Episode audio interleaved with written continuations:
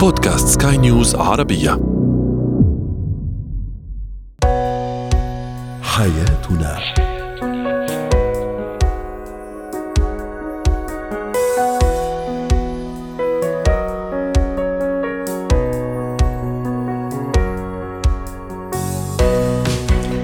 مستمعينا الكرام أهلا بكم معنا إلى حياتنا فضاؤكم اليومي الذي يعنى بشؤون الأسرة وباقي الشؤون الحياتيه الأخرى والذي يمكنكم الاستماع إليه عبر منصة سكاي نيوز ارابيا dot com slash podcast وباقي منصات سكاي نيوز عربيه الأخرى. شاركونا عبر رقم الواتساب 00971 561 88 622 معي أنا ابتسام العكريمي.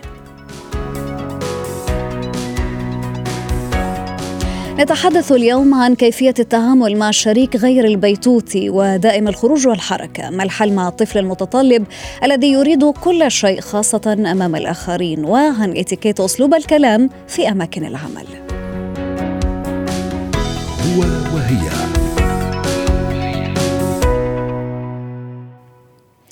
أحيانا من بعد الزواج قد يكتشف الشريك أنه لا يحبذ البقاء كثيرا في البيت وأن هذا الأمر قد يصل إلى درجة القول أن لديه فرط حركة نشاط كبير للخروج وتنظيم خطط ترفيهية. ولكن إذا رفض مثلا الطرف المقابل المشاركة معه بتلك الأنشطة أو الطلعات الدائمة هنا نقول دائمة يعني على طول مش مثلا مرة أو مرتين في الأسبوع. ممكن أنه يصير مزاجي ويعني يأخذ موقف. سنناقش هذه الإشكالية مع ضيفنا العزيز دكتور شافع نياد الخبير في العلاقات الزوجية والأسرية. مساء الخير دكتور. يعني هذه المسألة قد تكون غريبة بعض الشيء على المسامع لكنها فعليا موجودة وواقعية. أنا اليوم الشريك إذا كان لديه هذه الصفات التي تجعل منه شخصا لا يهدأ بين قوسين طبعا ولا يحبذ البقاء في في البيت أو المنزل. كيف أتعامل دكتور مع هذا الوضع؟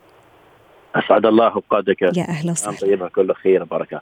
طبعا في البداية لازم ننظر ما هو سبب هذا هذا شريك الحياة سبب عدم كثرة نشاطه وكثرة حركته وعدم رغبته في الجلوس في البيت فأنظر اسباب الأسباب اللي تؤدي دائما الخروج خارج البيت. ثانيا أحيانا ابتسام بعض الأشخاص أو خاصة الشباب ولا الشابات نعم. يفتكرون بعضهم يعني كأنهم في في العزوبية أو ما شابه. لا الآن دخلوا بالضبط. في مشاركات في اهتمام في كذا. يعني مسألة أنك أنت الآن منفرد لوحدك وما في أحد تشاركه لا. فلا بد أن يكون مشاركها أنا هذا الشخص اشاركه انشطه اليوم اليوم اليوم دكتور أنا مثلا كشريك أو شريكة على حد السواء الزوج أو الزوجة ما ماذا يتطلب مني موضوع إني أنا اوعى بمسألة إنه خلص تغير نظام حياتي وصرت في عش الزوجية، هذا كله طبعا بالنهاية هو مسألة وعي، ولكن اليوم ما الذي يتطلب مني أنا علشان أوصل لحقيقة إني أعرف أتصرف بهذه المسألة؟ الاولا عملية المشاركة في الحياة الزوجية، عدم عدم يعني مسألة التكليف المبالغ فيه للطرف الآخر وإنجازه، لابد أن يكون هناك في توجيه من شريك الحياة. في حوار في نقاش بأن في مهام في أنشطة في مشاركات تكون هالمشاركات مع بعض تكون هذه الإنجازات توزيع المهام في أولويات. لابد لشريك الحياة يعرف أن من أولوياته هو اولا لنفسه ثم لأسرته وشريك الحياة.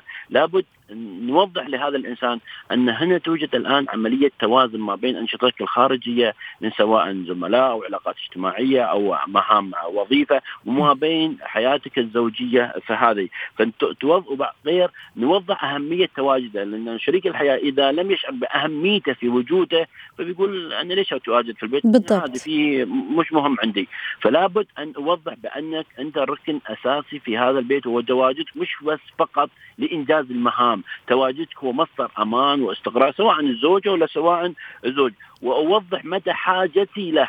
ما أقول ما محتاج لك. يعني إذا طرف هذا دائما مضبوط أو دائما كثير أنشطة إذا أنا وضحت بأني أنا ما محتاج لك فبالعكس بيستمر بهذا الأسلوب. أقول لا أنا بالعكس دي امس الحاجة لك وفي سواء في انجاز المهام المنزلية سواء حتى في الترفيه والتجديد في أمور كثيرة. أه حتى الحاجة العاطفية حاجة يعني الهدوء السكون إنه نقضي وقت مع بعضنا في البيت هذا كله مهم للزوجين. أكيد لأن هالسبب لابد أنظر أوضح له احتياجاتي وكذلك أنا أنظر لاحتياجاته. وما وما هي الاحتياجات اللي ممكن يفضلها في الأنشطة الخارجية؟ أنا ممكن أسويها في الأنشطة تكون من خلال المنزل.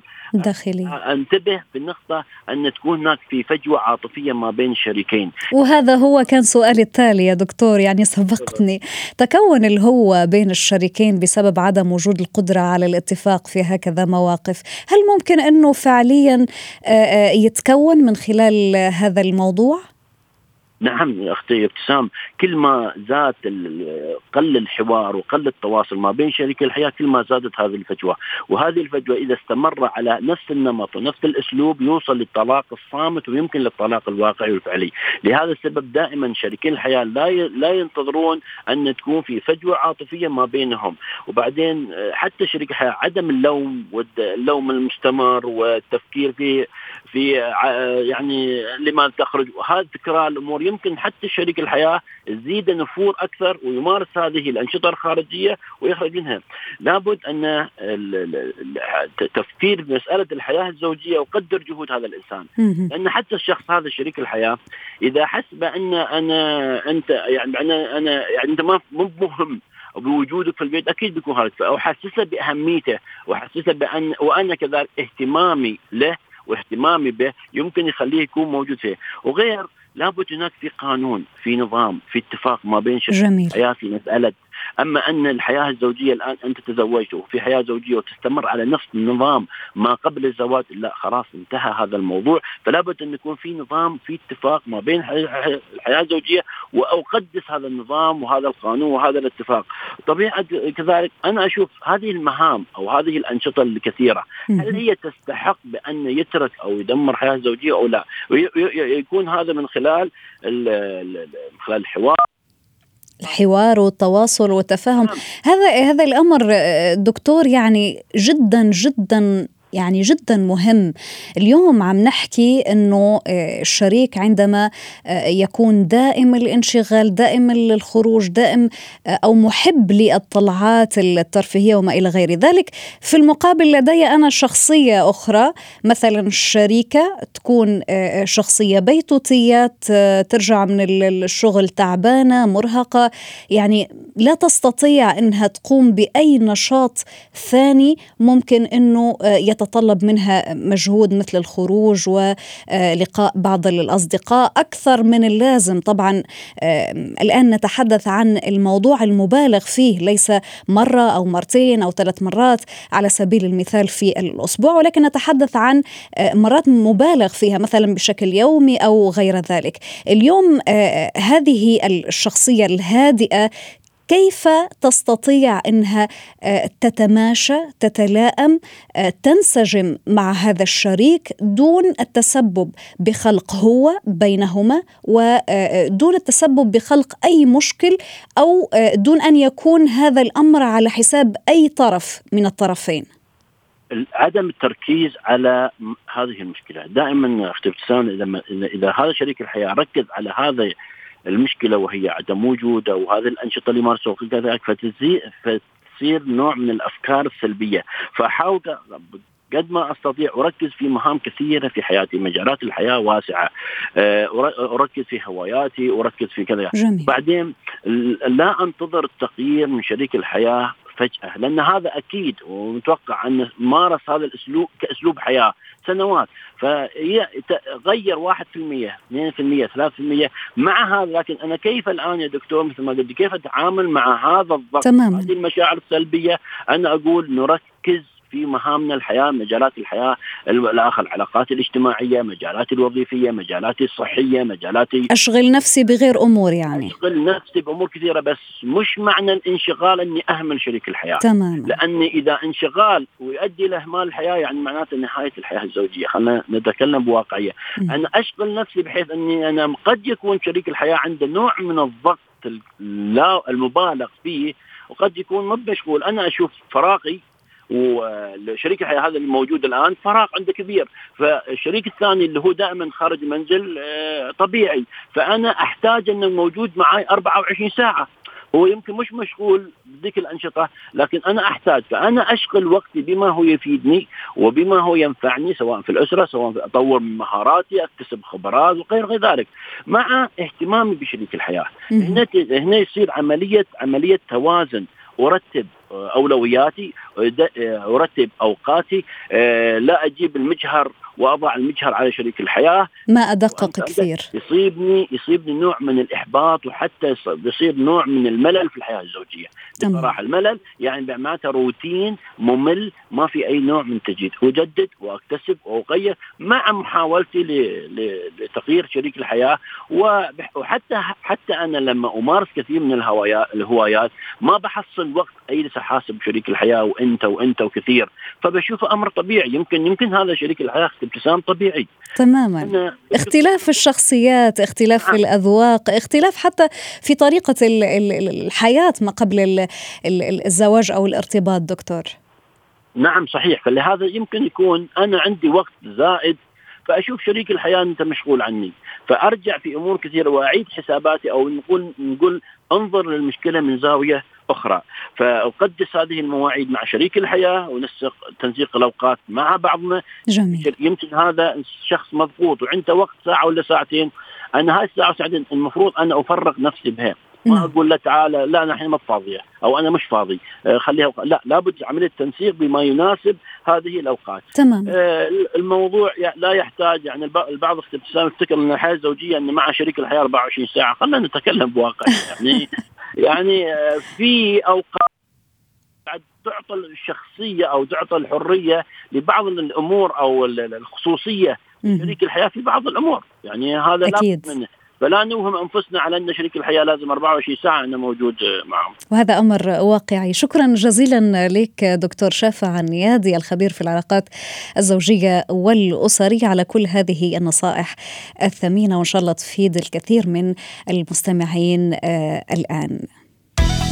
زينة الحياة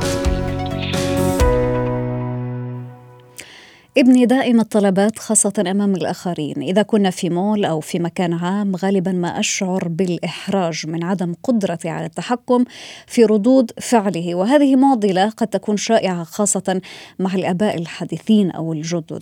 طرحنا سؤالنا التفاعلي كيف كانت تجربتك مع تطلب الأطفال أمام الآخرين؟ رحبوا معي أيضا مستمعينا الكرام بضيفتنا العزيزة أستاذة حبة شركس خبيرة تربوية أهلا وسهلا بك معنا أستاذة هبة. إذا هذا هو سؤالنا التفاعلي وتعليقات وصلتنا على منصات سكاي نيوز عربية. تعليق يقول أعاني من هذا السلوك مع ابنتي وجربت العقاب مرات كثيرة دون أي فائدة. تعليق آخر يقول التواصل مع الطفل جدا ضروري لجعله يستوعب بعض الأمور مثل أني لا أستطيع إقناعه واقتناء كل شيء وفي أي وقت أيضا نظرا للظروف المادية أو الاجتماعية. أستاذة هبة ما رأيك بداية بالتعليقات؟ هو طبعا آه، يعني في التعليقات بتقول إن العقاب آه، لم يفيد وفعلا العقاب مش بيكون مفيد مع الطفل المتطلب ومش بيكون مفيد في أغلب الحالات. العقاب حتى لو جاب نتائج بيجيب نتائج مؤقتة بتنتهي بعد شوية من انتهاء مع انتهاء العقاب وبنلاقي الخطأ بيتكرر. ما الحل اذا؟ آه لكن الحل هو إن أنا آه ايا كان عمر طفلي أبدأ أفهمه بما يتناسب مع عمره إن إيه المسموح وإيه الغير المسموح. يعني أنا لازم يبقى عندي أوقات لتربية الطفل. يعني أنا أقول له إحنا هننزل دلوقتي وهنشتري مثلا غرضين. okay متفق فاهم يعني إيه غرضين أقعد أفهمه عن تعالى نمثل كأننا دلوقتي في السوبر ماركت وإنت هتاخد حاجتين بس. okay 1 2 واحد اثنين بمنتهى البساطة وإحنا قاعدين كأننا بنمثل في البيت إن البيت ده هو السوبر ماركت يلا حط حاجتين في ال basket دي وإحنا هنروح دلوقتي كأننا رايحين الكاشير بنحاسب هنروح. أوكي؟ نعم. طلعنا بره وإنت شبطت في حاجة ثالثه هنسيب كل حاجة وهنمشي. لكن بعض بعض الأباء أو الأمهات ربما يكونوا يعني قد جربوا مثل هذه الحيل أو الطرق ولكن دون فائدة. هنا كيف أتعامل بطريقة أخرى مغايرة مع طفلي هذا؟ لو أنا جربت مع ابني الاتفاق الطريقة دي طب طريقة الاتفاق المسبق ولقيت إن الطريقة مش بتجيب جدوى تمام. لازم يكون عندي آه حزم إن اللي اتفقنا عليه هو اللي يحصل فلو إحنا طلعنا بره وهو جاي ياخد الغرض الثالث فعلا أنهي آه، الخروجة تماما.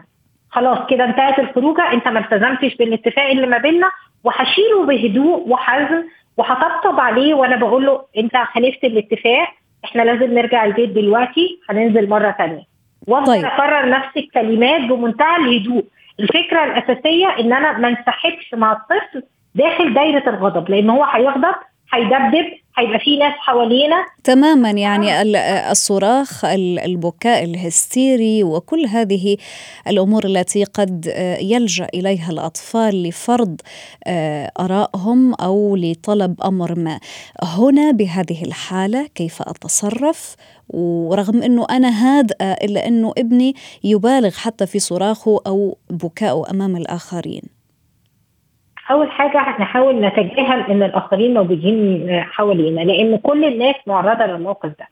أي تمام. حد معاه أطفال معرض لأن هو يتحط في الموقف صحيح. الشخص اللي بيبص بينظر علينا بنظرة إن إيه اللي بيحصل ده بنظرة استياء هو شخص آه يعني آه غير ناضج لأن هو الأطفال ده طفل ده مجرد طفل بيمر بنوبه غضب كل الناس أغلب الناس عارفينها واللي مش عارفها معلش إحنا معت... من... أنا بعتذر له بالنيابة عن كل أم إن أنت يمكن ما مريتش بنوبة زي كده بس دي نوبة طبيعية جدا ومرحلة عمرية طبيعية جدا وكل الأطفال بيمروا بيها آه في كل حتة في العالم. نعم. دي حاجة عادية جدا. فأنا بس يعني أتجاهل الناس اللي حواليا. لو حد بيحاول يتدخل أقول له شكرا أنا هقدر إن أنا هندل الموقف أو هقدر إن أنا أتعامل مع الموقف. هنزل لمستوى الطفل هشيله وهطبطب عليه بحنية وثبات. أنا أهم حاجة عندي الثبات الانفعالي. وهاخده وهنصرف من المكان اللي إحنا موجودين. ثباتي أنا كأب أو كأم انفعاليا صحيح؟ ضرو- ضروري جدا إن أنا عارفة إن ده شيء طبيعي إن أنا منحر الإحراج شعوري بالحرج من المحيطين حواليا ده لازم أتخلص منه. إن. أنا الطفل بيغضب ما ادخلش معاه جوه دايرة الغضب. يعني أنا بحمي نفسي من الانفعالات السلبية سواء شعور الإحراج من الآخرين أو شعور الغضب من طفلي. أحافظ على ثباتي أنا الانفعالي أشيل الطفل أحضنه أطبطب عليه وأحاول تهدئته بدون ما إن أنا أروح أجيب الغرض اللي هو غضب بسببه وبدون ما أخضع لطلب الطفل. طالما ودون تهديد ودون وعيد أيضا. صحيح؟ دون أي تهديد أو وعيد مثلا آه رح نرجع للبيت رح تتعاقب كذا كذا كذا. لا لا لا لا. بمنتهى اللطف انت واضح ان انت نسيت الاتفاق اللي ما بيننا. تعالى نرجع البيت ولما تبقى جاهز هننزل تاني. اخده واحضنه وافضل هو بيبكي هو بيصارخ. أنا بكرر نفس الكلمات على أذنه. انت شكلك نسيت الاتفاق تعالى نجدد الاتفاق في البيت وأوعدك إن إحنا هننزل تاني. وممكن إنه يستجيب فعليا أستاذة هبة؟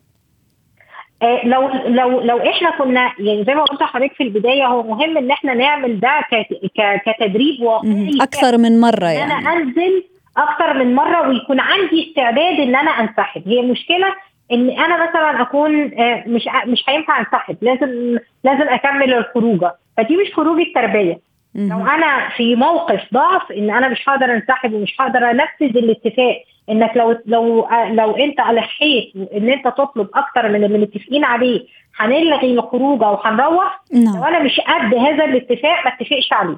واضح. يعني أنا لازم أنزل جلسات تدريبية مع ابني أنزل مرة واثنين وثلاثة وخمسة وأجرب إن أنا أبقى ملتزمة. فهنا ابني خلاص هيبدأ يتبرمج إن اللي اتفقنا عليه هيكون وإن أنا لو خالفت مش هيكون في تنازلات من جهة الأسرة وإن. الكلام ده كله بيتعمل بحنان وحزم. نعم ما فيهوش عنف ما فيهوش تهديد ما فيهوش صوت عالي ما فيهوش إحراج ما فيهوش آه، آه، غضب. نعم واضح. كله في حالة مزاجية آه، متأنية. وصلت الفكرة. شكرا جزيلا لك يا أستاذة هبة شركس الخبيرة التربوية.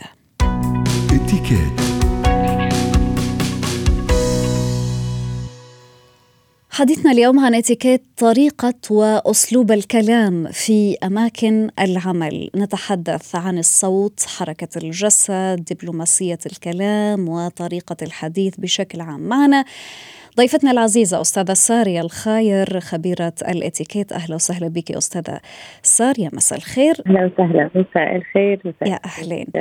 اتيكيت الكلام في أماكن العمل خبرينا عنها. أول شيء مهم كثير نعرف بمجال العمل لما بنتحدث وبنبتدئ الحديث إنه نقدم أنفسنا بالاسمين الأول والأخير. يعني لازم دائما نحط ونتجنب التايتل اللي نقدم فيه أنفسنا. في كثير ناس بيغلطوا غلطة إنه أنا الدكتور فلان الفلاني أو أنا المهندس فلان الفلاني. لا اللقب دائما يتبع الاسم بصفته. يعني لما بقول مثلا أنا سارية الخير مثلا أنا بمستشفى بدي أقدم للأشخاص الآخرين معي آه، صفتي بقول أنا سارية الخير دكتورة التخصص الفلاني. ما بقول أنا الدكتورة هيك لأنه لازم آه، نحس نحسس الآخرين إنه أنا مهما عملت متواضع وقيمة علشان ما يكون في استعلاء أو ممكن أنه الآخرين يفهموها إنه آه، شخص ربما يعني عنده شوي الإيجو. صحيح. وكمان بنفس الوقت إنه أنا لما بقدم نفسي بكون عم بحكي مع الأشخاص الآخرين بدي أعطيهم قيمة وجودهم معي يعني دائما بحترم الآخر وبقدمه بال title تبعه وأنا بقدم ال title تبعي كصفة متأخرة على اسمي. جميل. شغلة كمان الشغلة كمان اللي لازم ننتبه عليها بمجال عملنا لازم نوضح الحروف ومخارجها بقدر الإمكان.